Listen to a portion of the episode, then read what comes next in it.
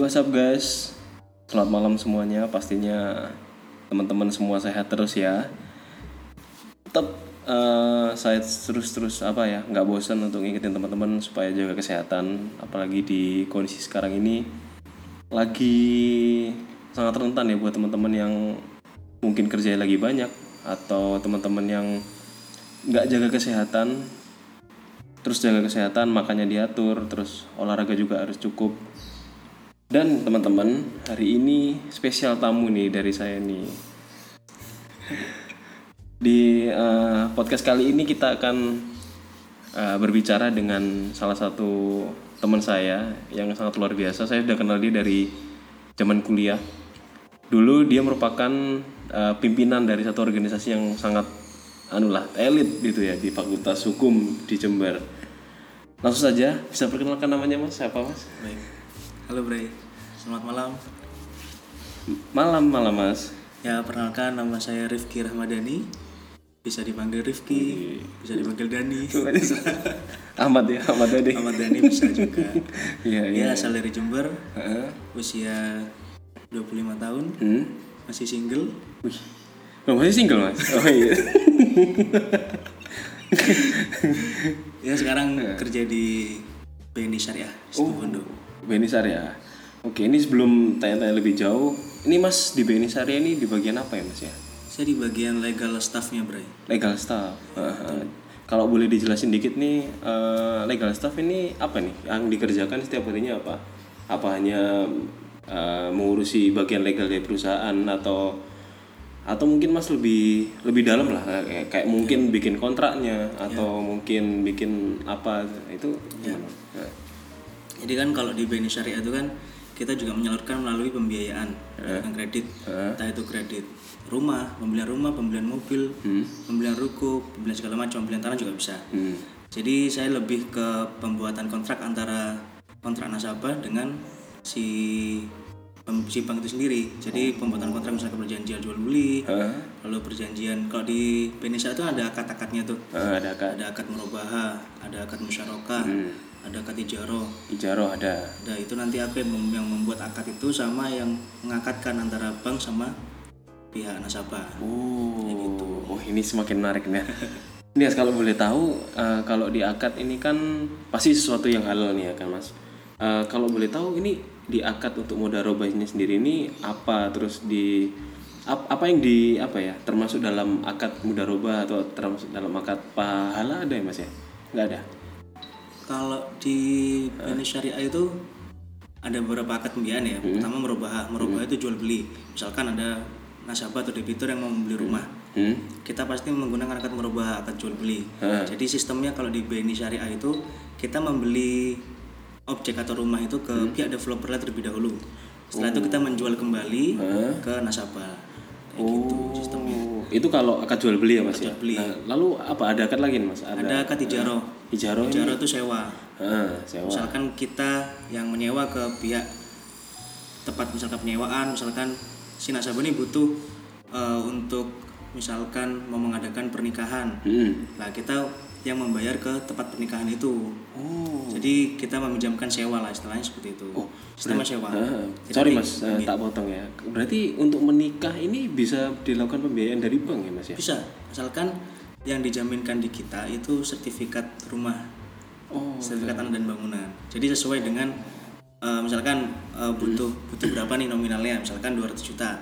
Lalu dijaminkan rumah. Asalkan rumahnya itu bisa kayak misalkan ditaksasinya bisa menutup dari nominal pembiayaannya itu Hmm. masalah. Tergantung dengan jaminannya juga. Waduh, wah ini berarti info menarik nih buat teman-teman yang mungkin ingin nikah tapi nggak punya modal. Nah, di Bank BNI Syariah ada akad ijarah itu yang bisa, yang bisa istilahnya dimanfaatkan lah sama masyarakat kayak gitu. Oh. Di kita kan juga ada visi misi nih. Ah, Salah satu misi BNI Syariah itu memberikan solusi bagi masyarakat solusi. untuk Oke. kebutuhan jasa perbankan syariah. Wah, Kayak gitu. ini luar biasa. Ini ngomong-ngomong masih udah, oh masih single ya tadi ya? masih single ya? Ya, bisa Nggak ada itu. rencana meminjam di, di akad ijarah juga. Wah, menarik. Kalau sebenarnya apa ya kalau masalah nikah itu kan sebenarnya untuk masyarakat kita menawarkan kalau Iya. dari diri kita emang emang apa ya sebenarnya eh, terlalu ini sih Bray terlalu sedih sih kalau Ya, terlalu. Waduh, ini jangan jangan Ini, nah, ya kan ya. Kalau mau tanya-tanya bisa langsung nanti di Mas Rifki ya. Oke Mas lanjut. Nah untuk akadnya sendiri ini ada beberapa tahap nggak sih Mas? Sebelum misalkan saya nih sebagai seorang nasabah ini pengen membeli rumah, membeli rumah.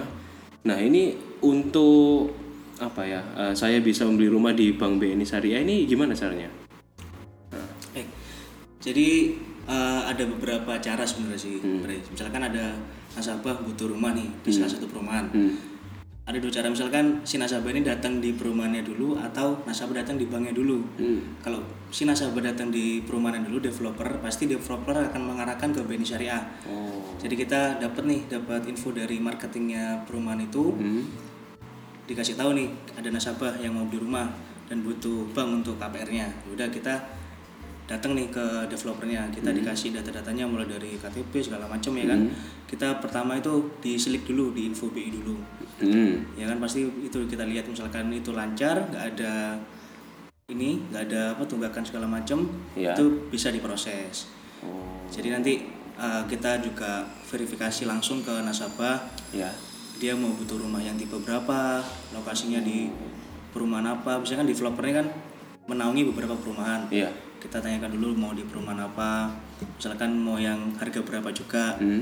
Dan pastinya harus tergantung sama kemampuan membayarnya si nasabah. Oh. Jadi kalau di kita itu pertama untuk verifikasinya ada first way out sama second way out. Kalau first way out itu kan Hmm. terkait dengan kemampuan membayar sama info BI-nya juga. Iya. Dia pekerjaannya apa, gajinya berapa, Hmm. apakah cukup apabila mengangsur dengan jangka waktu sekian Hmm. nah seperti itu itu apabila itu sudah mencakup, mencakup maksudnya sudah mencukupi baru ke second way out second way out itu itu jaminannya Kolateralnya ya. ya Heeh. jaminannya seperti itu Oh, oke oke. Tadi Mas sempat bahas tentang ini ya, apa BI checking. Iya. Ya, kalau salah itu. Nah, ini buat teman-teman yang belum tahu, eh, BI checking ini ini kalau salah bisa dikoreksi ya Mas ya. Kalau untuk BI checking ini teman-teman untuk eh, itu merupakan data yang terrecord di Bank Indonesia atau di negara untuk setiap teman-teman yang melakukan eh, kredit ya, mungkin hubungan kredit ya, hubungan kredit itu akan terrecord. Nah, semisal nanti teman-teman gagal bayar atau eh, dalam istilah teman-teman tidak bayar dalam mungkin satu bulan, mungkin teman-teman bayar di bulan ketiga, nah nanti akan terrecord di uh, slick checking itu ya mas ya. ya betul Nanti akan keluar eh, di kolektibilitas tiga, ya itu kalau tiga bulan. tiga bulan Ah, Nah, jadi untuk teman-teman yang belum tahu, sangat penting teman-teman untuk eh, kalau misalkan ada mungkin teman-teman punya kartu kredit atau punya cicilan apa pun tetap dibayar ya teman-teman ya. Karena kasihan juga nih selain BI checking teman-teman jelek, ini kasihan juga teman-teman dari bank ini agak sulit ini. Betul sekali karena terkait reputasi juga Heeh, reputasi si nasabah itu sendiri jadi ketika dia sudah punya pembiayaan di salah satu bank atau koperasi segala macam yang pihak perbankan itu sudah menyalurkan ke nasabah kalau misalkan dia tidak bisa membayar tunggakan sampai beberapa bulan pasti akan terekod di slick atau info BI dan itu pastinya akan menjadi salah satu kendala utama ketika misalkan ada nasabah yang mau Nah, pinjam atau mau kredit Oh, lagi lah mau ya. kredit lagi gitu. ya. Oh, oke oke. Oke Mas, ini semakin seru Mas. Eh, mungkin ini sedikit aneh Mas ya, agak dalam. Hmm. Untuk dalam akad itu mengenal wan prestasi apa enggak ya Mas? Itu mengenal enggak? Karena kan akad ini ya eh, kalau kalau mungkin secara teman-teman awam itu menganggapnya ya kontrak tapi eh, mengikuti prinsip-prinsip syariah. Nah, kalau di kontrak itu kan ada one prestasi atau mungkin salah satu pihak tidak memenuhi. Nah, kalau di akad ini bisa nggak one prestasi? Ya, jadi atau eh, sorry mas, atau eh, apa ya? Apakah dengan adanya one prestasi ini membatalkan kontraknya? Nah, ini gimana mas? Ada baik jadi di akad itu sendiri kan terdiri dari beberapa pasal tuh. hmm, Ada pasal 1 sampai dengan pasal 21 kalau saya nggak salah. Itu ada salah satu pasal itu terkait dengan wan prestasi. Jadi di situ dijelaskan apabila nasabah itu prestasi dikarenakan beberapa suatu hal tertentu itu ada beberapa step stepnya. Dan step yang terakhir itu kita nanti eh, pastinya akan yang pertama akan eh, kayak misalkan mengambil alih atau mengambil alih si jaminannya. Hmm. lalu bisa lelang juga. Lalu bisa sampai ke urusan ke pengadilan agama setempat. Karena kalau di syariah itu kan bukan di pengadilan negeri untuk terkait dengan sengketa tapi di pengadilan agama. dan juga dari segi pasalnya juga itu sendiri kita juga udah diawasi dan sama Dewan Pengawas Syariah dari Oh, DPS pusat, ya, Mas, ya? DPS gitu jadi kurang maksudnya eh, kalau di syariah kalau dari apa ya, istilahnya dari aturannya kita insya Allah sudah benar-benar syari karena emang sudah ada yang mengawasi dari Dewan Pengawas Dewan Pengawas Syariah itu sendiri. Wih, gila penjelasannya sangat syariah sekali ya teman-teman. Oke mas, tapi untuk akad nih mas ya, Iya. misalkan terjadi suatu bahan prestasi, bisa nggak akad ini diperbaiki? Misalkan eh, mungkin si nasabahnya tidak bisa bayar karena ayahnya meninggal. Nah ini kan si di luar kemampuan. Nah ini bisa nggak diperbaiki mas? Mungkin akadnya apa harusnya pembayarannya tenor sekian terus diganti sekian itu bisa nggak mas? Bisa. Jadi di kita itu ada yang namanya restruct atau restrukturisasi. Jadi apabila nasabah terdapat kendala suatu hal tertentu yang mungkin itu di luar di luar apa ya pemikiran sebelumnya bisa mengajukan relaksasi ke kita. Oh, dengan syarat yang pasti nanti eh, ada renvoy atau ada akad ulang. Oh iya. ada perubahan akad.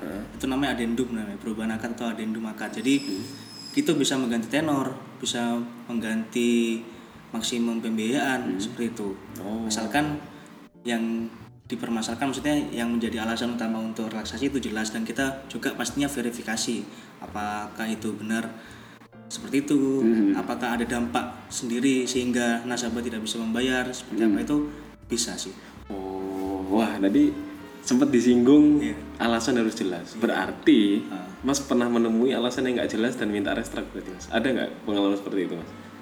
ada sih Ada. ada Bisa ceritain nggak? ada sih kebetulan juga kan kemarin yang gara-gara covid ini kan Heeh. itu kan banyak sekali nasabah yang minta restrak Hmm. minta restrak kan syaratnya restrak itu kan harus terdampak Iya. dari sisi pendapatan lalu terkait dengan apa ya kerjanya selama ini misalkan kerja di salah satu perusahaan dan perusahaan itu segmennya terkait dengan ekspor impor pastinya terdampak tuh karena ekspor impor sementara di hold dulu Heeh. Itu kita verifikasi. Lalu juga ada yang usaha misalkan usaha eh, dekorasi usaha mebel segala macam. Itu ada kemarin yang sempat mau minta Mau minta. restrukturisasi, re- restrukturisasi. Ternyata si ketika kita telusuri kita analis juga kita verifikasi ternyata gak terlalu terdampak dia. Dan dia ternyata hanya ikut-ikutan dengan Ini ya omongan Pak Jokowi. dengan dia program pemerintah itu Oh. sehingga kita tidak bisa menerima restart dari si nasabah Oh, oke oke. Tapi Mas eh, untuk Mas Rifki ini tetap ketemu nasabah apa hanya membuat kontraknya aja Mas? kalau saya itu ketika sudah mau akad aja baru ketemu karena Oh. karena emang kalau dari mulai proses lalu analis sampai dengan pemutus pembiayaan itu ada tim sendiri. Jadi kalau di Beni Syariah itu eh, alurnya mulai dari pertama tuh pasti marketingnya yang ketemu dengan nasabah. Iya. ketika marketingnya sudah input lalu eh, masuk ke tim analis. Oke. jadi tim analis ini mulai dari taksasi jaminan lalu call memo. Kemampuan dia bayar juga. kemampuan membayar juga. Lalu setelah setelah dia dia bisa yakin kalau nasabah ini cukup untuk kita biayain baru ke pimpinan. Pimpinan itu untuk memutus untuk memutus pembiayaan. Jadi nanti dari pimpinan baru nanti larinya ke saya untuk melakukan akad. Ketika sudah diputus sudah keluar surat keputusan pembiayaannya baru ke saya. Nanti dari saya langsung pembuatan kontrak sama urusan dengan pihak notaris. Jadi kita melakukan akad jual beli. Oke. dari pihak developer ke bank lalu ke nasabah. Oh. lalu dari AJB jual beli baru kita ikat sertifikatnya. Kan ada pengikatan tuh. Pengikatan sertifikat. Nah itu kita yang mengurus atau saya yang mengurus nanti. Oh, itu semua sendiri ya Mas ya? Uh, Iya. cukup kompleks. Kompleks. Mulai dari pencairan juga pencairan pencairan pembiayaan nanti saya yang ngurus. Lalu terkait dengan pengikatan ke notaris sampai dengan sertifikat hak tanggungannya itu terbit dari notaris. Oh, itu Mas eh, mengurusi sampai ini nggak? Bisa kan tadi Mas kan bilang sampai ke pengadilan. Iya. Nah, misal ada worst case itu ada nasabah sampai ke pengadilan lah katakanlah. Itu Mas yang ngurusi apa ada bagian sendiri, Mas? Kalau itu ada bagian sendiri. Jadi bagian di collection atau processing. Jadi processing itu yang bagian untuk memaintain nasabah apabila sudah misalkan pra NPF, NPF itu kan. Kalau sudah lelang itu si bagian processing. Nanti apabila ketika sudah masuk di ada case ten- tertentu, ketika sudah masuk di ranah pengadilan, itu pastinya nanti saya yang akan membuat misalkan kayak urusan dengan pastinya kuasa hukum Oh. dengan pihak notaris pastinya ke BPN Badan Pertanahan itu nanti dari tim legalnya. Oh, gitu. Oke, oke. Oke, eh, mungkin mau sedikit tanya, Mas. Untuk menjadi seorang legal di bank, itu Mas punya tips nggak buat teman-teman semua nih? Kalau mungkin teman-teman eh, pendengar-pendengar nanti mungkin ada yang sekarang lagi di dulu di Fakultas Hukum atau gimana, mungkin mereka mau Wah, aku pengen jadi legal di perusahaan dan kebetulan mereka juga pengen di bank ini seperti Mas. Nah ini Mas ada tipsnya nggak ada sarannya nggak buat teman-teman? Ya. Jadi kalau di legal staff di suatu perbankan emang dasarnya itu sebenarnya sudah ada di perkuliahan. Ketika kita kuliah di Fakultas Hukum kayak saya misalkan itu dulu kan pernah semester 1 semester 2 diajari sama hukum perikatan. Hmm. Ya, lalu ada hukum kontrak juga. Lalu kalau sudah apa masuk di khususan tuh ya Iya. semester 5 ke atas itu kan ada kayak hukum perbankan, lalu ada hukum apa sih? Hukum hukum Eh, ekonomi gitu itulah ya kan. ah, ekonomi bisnis. Ke- ekonomi bisnis itu itu mungkin lebih banyak seperti itu.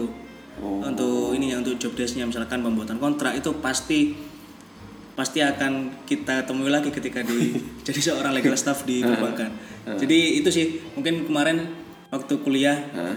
kalau misalkan teman-teman kurang ini kurang memperhatikan atau kurang ngerti lebih baik sih lebih mendalami pada saat kuliah karena emang takutnya nanti ketika sudah menjadi legal staff kita uh, belajar lagi dari awal ya terus seperti itu jadi kemarin kurang lebih seperti itu. Saya uh, waktu kuliah kan lebih banyak di organisasi.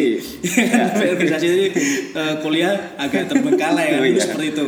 Tapi alhamdulillah buku-bukunya itu masih ada kan? Masih ada. masih ada. Jadi dulu pernah beli buku.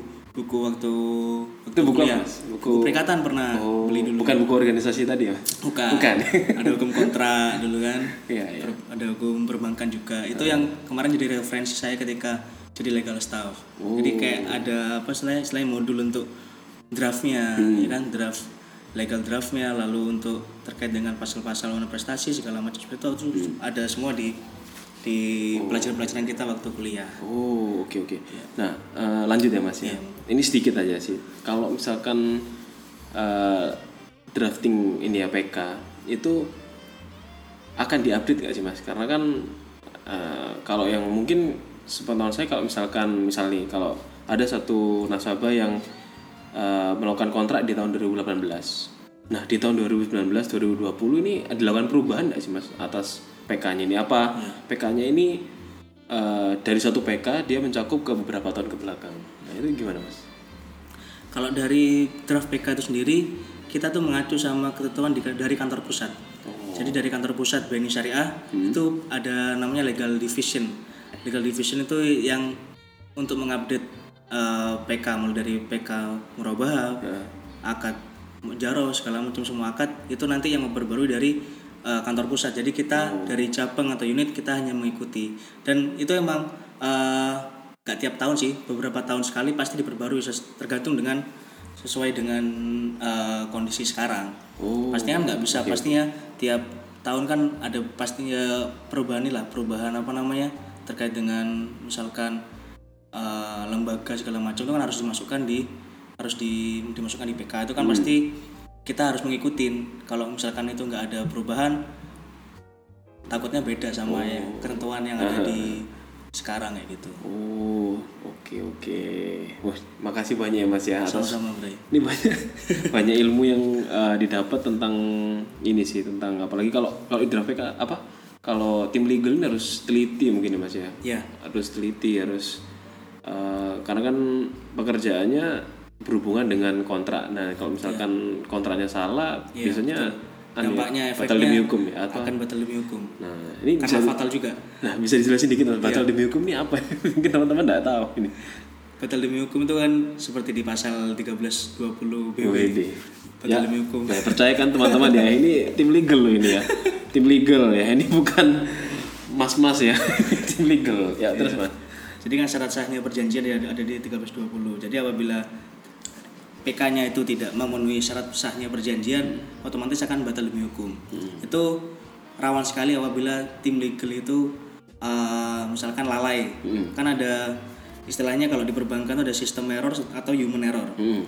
Kalau sistem error mungkin kita masih bisa istilahnya kita update atau segala macam kita maintain bisa kalau sistem error. Kalau human error itu itu akan berdampak ke depan. Misalkan misalkan nih eh, tim legalnya dalam pembuatan draftnya ada salah satu pasal yang tidak dimasukkan. Lalu misalkan nanti ketika eh, udah jelang beberapa tahun ada suatu kendala sedangkan pasal itu sangat penting misalkan untuk untuk apa ya, istilahnya untuk kita pegang gitu loh karena permasalahan itu. Jadi karena tidak di, di- kita karena karena lalainya si tim legal itu Iya. kita tidak kita tidak masukkan salah satu pasal itu. Akhirnya kita nggak bisa berbuat apa-apa di situ. Kita kalah sama si nasabah pastinya ya bisa bisa jadi akan batal demi hukum. Oh. kayak gitu sih. Oke, oke. karena emang tanggung jawabnya besar banget kalau tim legal karena harus mengurus mulai dari administratif juga. Hmm. lalu terkait dengan dokumen-dokumen. Hmm. dokumen-dokumen penting itu mulai dari sertifikat ya kan? Sertifikat sertifikat itu kan nanti akan dijaminkan di bank. Itu kan yang mengurus pastinya tim legal. Yang akan mengamankan itu di, di di tempat kantor masing-masing ya kan? Itu kalau bila nanti misalkan hilang. Itu kan rawan banget kan? Ada sertifikat hilang. Iya. pasti kan yang tanggung jawab yaitu tim legalnya Oh, itu bisa berapa itu kalau misalkan ada salah satu sertifikat yang hilang gitu Waduh. Iya. Tapi nggak ada tim penyimpanan nggak mas? Untuk penyimpanan data-data itu kan ada pasti mas. ada Hmm. maksudnya tapi untuk yang memaintain atau yang yang punya data itu kan pasti tim, Tim legal legalnya ya. itu. Oh, oke oke. Oke mas, Eh, nggak kerasa udah mungkin cukup panjang kita berbicara. Terima kasih atas waktunya ya mas ya. sama Brian sukses selalu podcastnya Ya siap, terima kasih loh mas, ini masih baru. Oke untuk teman-teman yang mungkin eh, ingin tanya lebih jauh, mungkin bisa langsung hubungi Mas Rifki di Instagramnya. Apa mas Instagramnya mas? Ada? Rifki Rahmadani Rifki Ramadhani. Nah nanti bakal ditulisin di eh, description ya. Oke teman-teman tetap sehat semuanya, tetap semangat dan tetap cari kerja karena anda butuh uang ya teman-teman. Tetap cari kerja. Oke bye.